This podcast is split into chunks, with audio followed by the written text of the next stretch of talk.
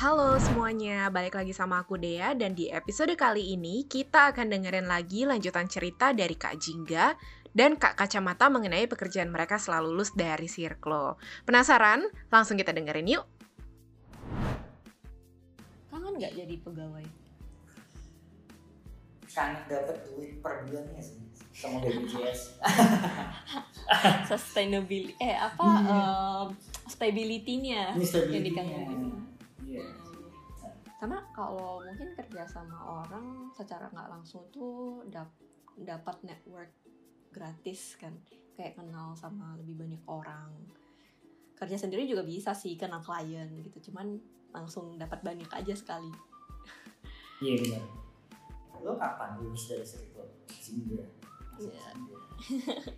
Eh, lulusnya di pertengahan tahun 2018. Oh nggak ketemu gitu ya menarik nih. Siapa kan? Oh, berarti di circle nggak lama ya? Satu tahun gitu? lo berapa lama di Sirklo ini? Eh, du- dua tahun.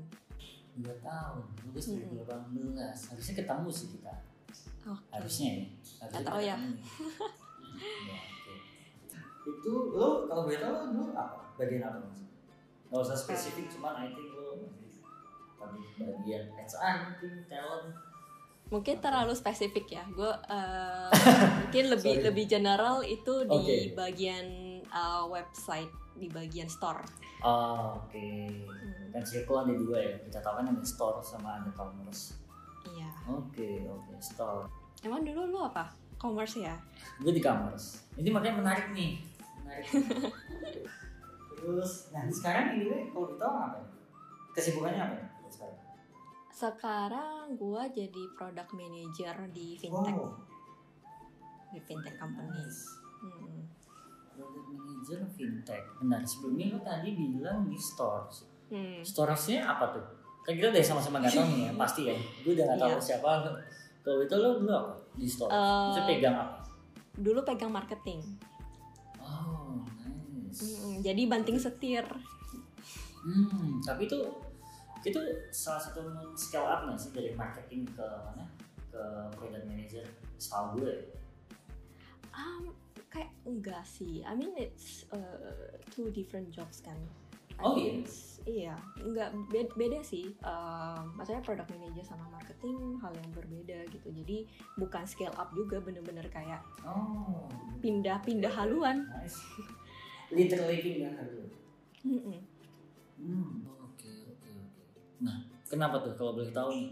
Kenapa lo tiba-tiba uh, lompat dari marketing ke product manager? Apa emang ada chance, ada opportunity, atau lo mau ya emang adanya itu mungkin sorry Eh, nggak apa-apa. Eh, mungkin Hmm. jawaban singkatnya pertama yes, um, I was quite lucky. Jadi ada opportunity. Terus yang Hmm. kedua memang sebenarnya udah cukup lama sih tertarik sama product management. Cuman gue nggak tahu um, itu skill apa aja sih yang dibutuhkan. Jadi gue tuh kayak cuma tahu, oke, I think gue interested sama product management. Tapi gue nggak tahu apa yang harus gue lakukan dan caranya gimana gitu dan Ya. gue itu udah mulai tertarik pas uh, mungkin sekitar tahun kedua di circle kali ya nah, itu gue udah mulai tertarik nah tapi karena memang itu pindah aliran pindah haluan it was too risky lah buat gue jadi um, tapi karena gue tertarik ya udah gue um, cari tahu aja dan akhirnya pas kesempatan itu datang I was quite ready gitu Oh, nice, nice, nice, nice, nice. Itu itu menurut gue, menurut gue apa ya, suatu yang mungkin kita bisa bilang kayak opportunity juga kan. Karena lo Iya. memang ketertarikan di situ. Apakah Hmm. itu juga itu salah satu passion juga ini? Um, kalau sekarang iya, tapi dulunya gue nggak tahu itu itu itu bisa jadi passion gue. Um, karena kadang itu memang sesuatu yang asing ya. Iya. Gitu. Jadi um, by the time gue udah menjalankan hal ini mungkin selama kayak enam bulan sampai satu tahun, gue baru bisa bilang oke, gue quite enjoy this process gitu. Baru gue bisa bilang oke kayaknya gue emang passionnya di sini. Berarti kalau lo bisa dikasih beberapa kata nih, menurut lo passion itu apa? passion itu proses atau memang lu ngulik sesuatu sampai lu tuh lupa dengan keadaan apa pun baru lu bilang itu bisa passion Nah, ini pertanyaan susah ya. Selalu ditanyakan tapi susah. Em, menurut gua passion itu uh, sesuatu yang kalau lu kerjakan itu lu merasa satisfied, kayak lu merasa puas dan lu merasa hidup lu tuh berguna. You know, kayak iya iya iya Lu tuh- Iya.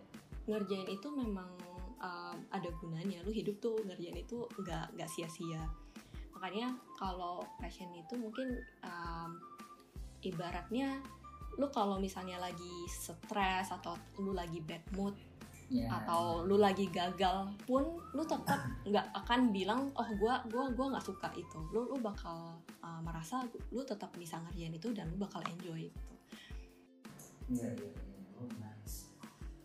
Ini ini lagi apa ya? Ini mungkin eh, dari kemarin kan si warganet kan juga warga, especially warga Twitter kan juga lagi rame tuh. Tentang Oh, ya? nama Itu, eh, tentang nama itu passion sama passion itu apa idealis? Jadi kayak passion versus sama cari dulu.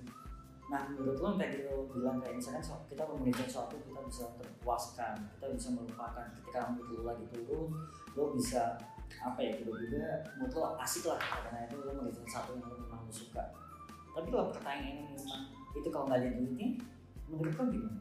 apakah lo masih mau ngelakuin itu passion itu terus gitu atau lo memang akan switch dulu buat nyari duit atau gimana? Oke, em, menurut gue memang passion sama kerjaan itu nggak harus nyambung. Jadi itu bisa jadi dua hal yang terpisah. Karena sebenarnya it's a privilege loh. Kayak lu bisa, misalnya kayak lu bisa kerjain sesuatu yang lu passionate banget. Itu sebuah privilege karena nggak semua orang eh, mungkin financially stable atau kayak eh, you know mungkin dia nggak ada resources untuk bisa ngerjain lu eh, bisa memakai passion dia untuk jadi jadi income source of income gitu. Uh, jadi menurut gua nggak harus orang nggak harus kerja sesuai dengan apa yang jadi passion dia tapi menurut gua orang harus punya passion Hmm, iya iya iya.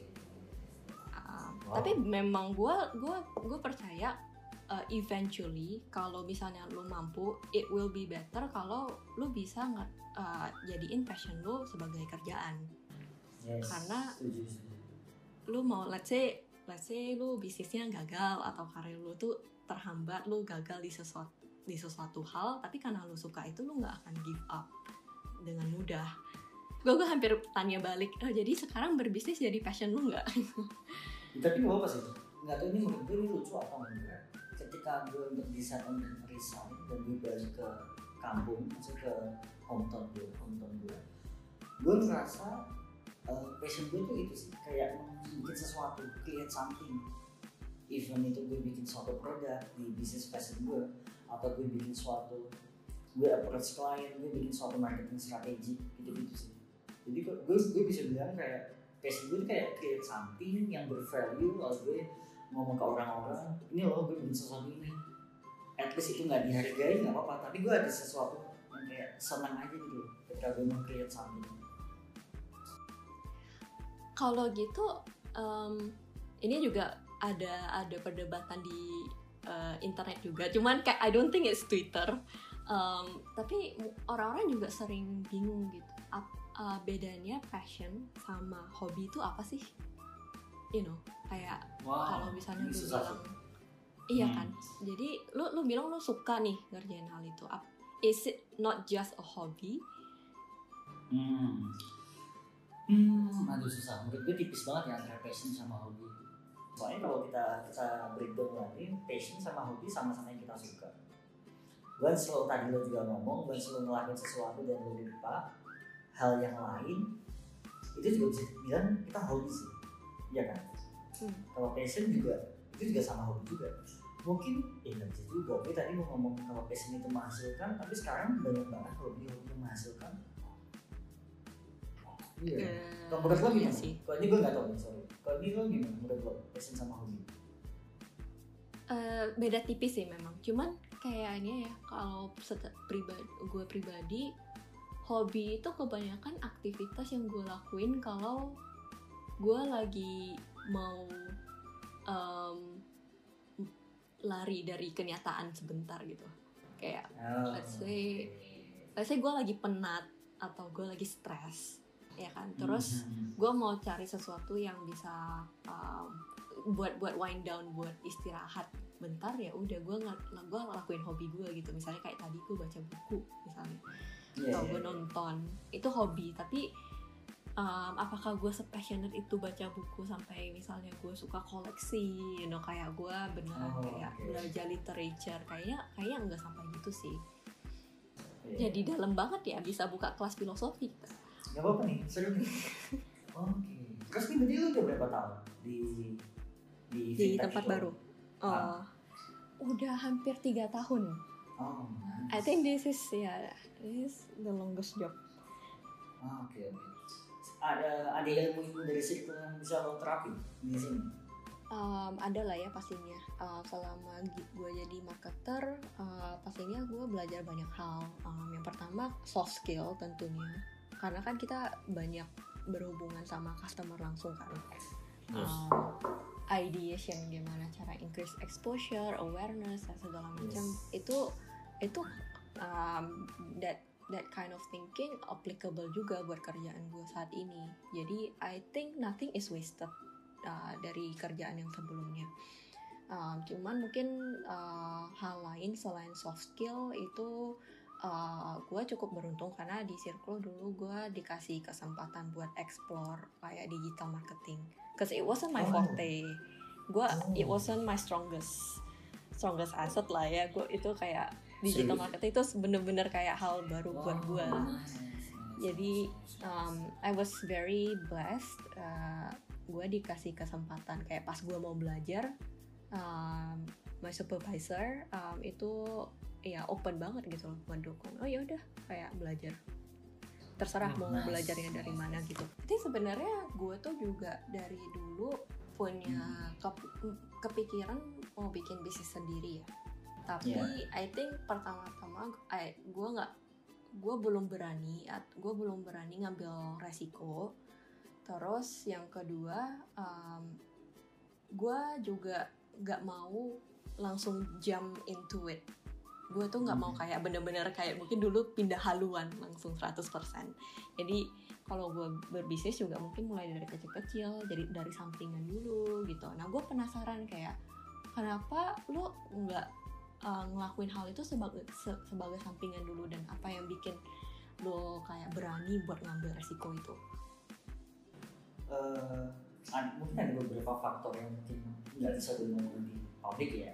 hmm. Cuman yang paling gue dapetin itu adalah ya itu sih tadi balik lagi kayak gue dapet satu chance atau satu opportunity yang menurut gue tuh kan kayak kalau gue telat mungkin telat nggak gue riset detik ini kayak gue akan ngelawan itu akan apa ya sangat sangat menyesal gitu. Mungkin gue bisa juga kayak oppor- opportunity juga sih. Ambi ambi dan opportunity. Mungkin itu salah satu apa ya ada di gue lah gue kayak melihat ini kan satu peluang yang bisa gue itu deh ya udah gue tiba-tiba gue decide gue butuh waktu untuk ngeriset ini semua juga ya udah gue bikin ini gue coba yuk start dulu pelan-pelan. Walaupun itu banget apa namanya eh, itu klien-klien di sini tuh belum aware tentang marketing ini digital marketing seperti apa mereka masih belum aware tentang campaign itu apa kenapa sih gue harus uh, bikin Facebook Ads kenapa gue harus gitu loh itu sih menurut Hmm. itu challenge-nya di situ sih Iya, but I think um, gue gua gue tuh selalu respect orang-orang yang kayak udah kerja di Jakarta and then go back Hmm. to their hometown untuk memulai sesuatu hal yang baru. You know, karena um, it's just sad kayak banyak orang yang emang akhirnya stay di Jakarta aja gitu. Padahal Iya. we need that kind of people juga yang ngembangin sesuatu hal yang baru di hometown masing-masing. Kak Jingga sama Kak Kacamata udah ngobrol tentang bisnis, tentang uh, perjalanan karirnya Kak Jingga yang tadinya dari uh, marketing terus tiba-tiba berubah jadi product manager sekarang di satu uh, apa namanya satu perusahaan juga. Nah, sekarang waktunya kita mau uh, reveal nih um, identitas asli dari Kak Jingga dan juga Kak Kacamata.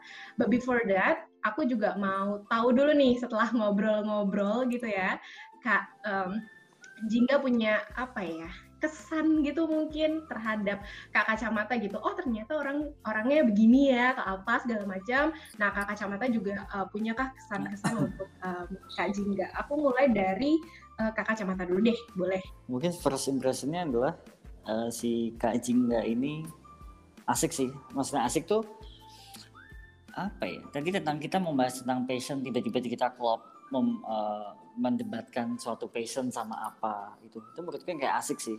Kayak buat hmm. asik buat ngajak ngobrol tentang passion tentang startup tentang ini. Dan aslinya kalau nggak ada waktu uh, pengen mengulik tentang tadi project manager itu apa masa dia ngapain mm -hmm. aja apa yang dia udah lakuin di project manager itu itu lebih satu apa ya satu pembahasan yang lebih menarik lagi sih mungkin mm -hmm. next time kali boleh, boleh. Nanti next time kita temui lagi boleh ya. Oh, boleh, boleh banget. Dan kacamata untuk ngobrol-ngobrol lebih deep lagi nih.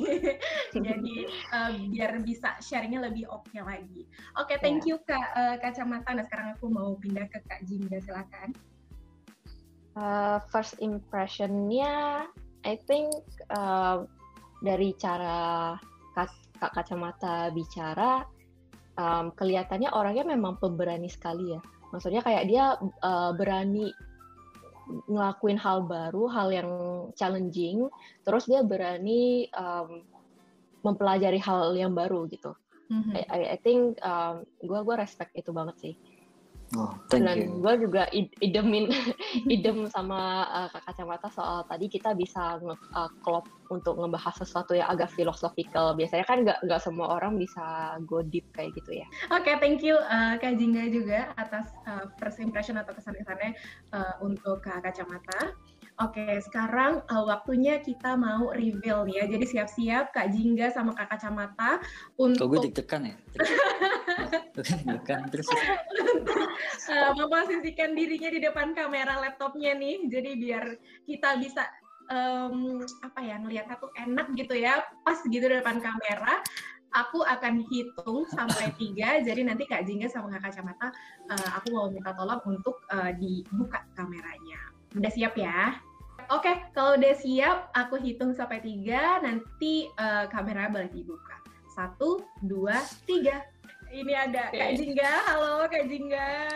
Halo, di sini ada Kak Kacamata juga.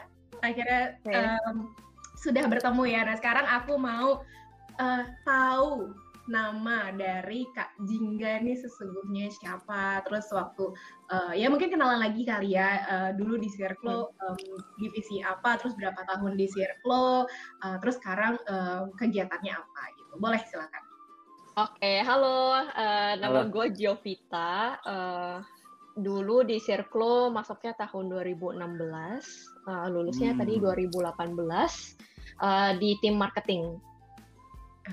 Oke. Oke, oke. Oh, Circle ya, Store. Oke. Okay. Circle Store di bagian marketing ya. Oke. Nah, berarti sekarang kegiatannya Kak Jingga apa nih? Uh, di kantor maksudnya? Ya, saat ini. Uh, kegiatannya saat ini jadi product manager di Cicil. Uh, mm-hmm. Jadi Cicil itu uh, fintech sih. Uh, kita provide uh, loans buat uh, mahasiswa sama um, institusi pendidikan itu jadi hmm. day to day jobnya mungkin uh, bisa dibilang um, apa yang perlu di develop atau ditambahkan atau di improve dari aplikasinya um, hmm. itu biasanya um, gue yang uh, lakukan gitu Ah, iya, dibantu iya, iya, iya. dibantu sama teman-teman engineer, teman-teman QA dan yang lain-lain. Wow. Oke, aku pindah sebentar uh, ke Kak Kacamata nih supaya biar kita uh, panggilnya panggil nama asli ya gitu. Oke, boleh silakan Kak Kacamata. Halo, uh, nama asli gue Ravin Leo. Gue dulu di Circle itu di Circle, Circle Commerce. Gue sebagai oh akan eksekutif, senior akan eksekutif di Circle Commerce. KAE gitu. Iya KAE oke okay, oh, nice. Dia megang beberapa brand di sana di Circle Commerce. Gue hmm. baru masuk kayaknya ketika lo ma ketika lo cabut gue baru masuk di 2018 kayaknya sih gue baru keluar juga 2019 apa 2018 awal ya ya pokoknya pas Circle GOP 6 aja gue singkatnya itu deh hmm. terus satu tahun satu tahun dua bulan tiga bulan habis itu gue cabut gitu. I see oke okay, oke okay. Oh nice nice. Gue sebenarnya tuh gue pengen nanya sih sama Jovita, asik gue udah tau mm. nama ini. dari, dari marketing ke product manager lu belajar lagi apa gimana tuh? Belajar lagi sih. Jadi emang waktu itu uh, karena penasaran ya penasarannya udah lama. Jadi karena memang penasaran, gue cari tahu. Cari tahunya ya Oh. baca buku. Kebetulan ada teman yang jadi product manager, jadi tanya-tanya.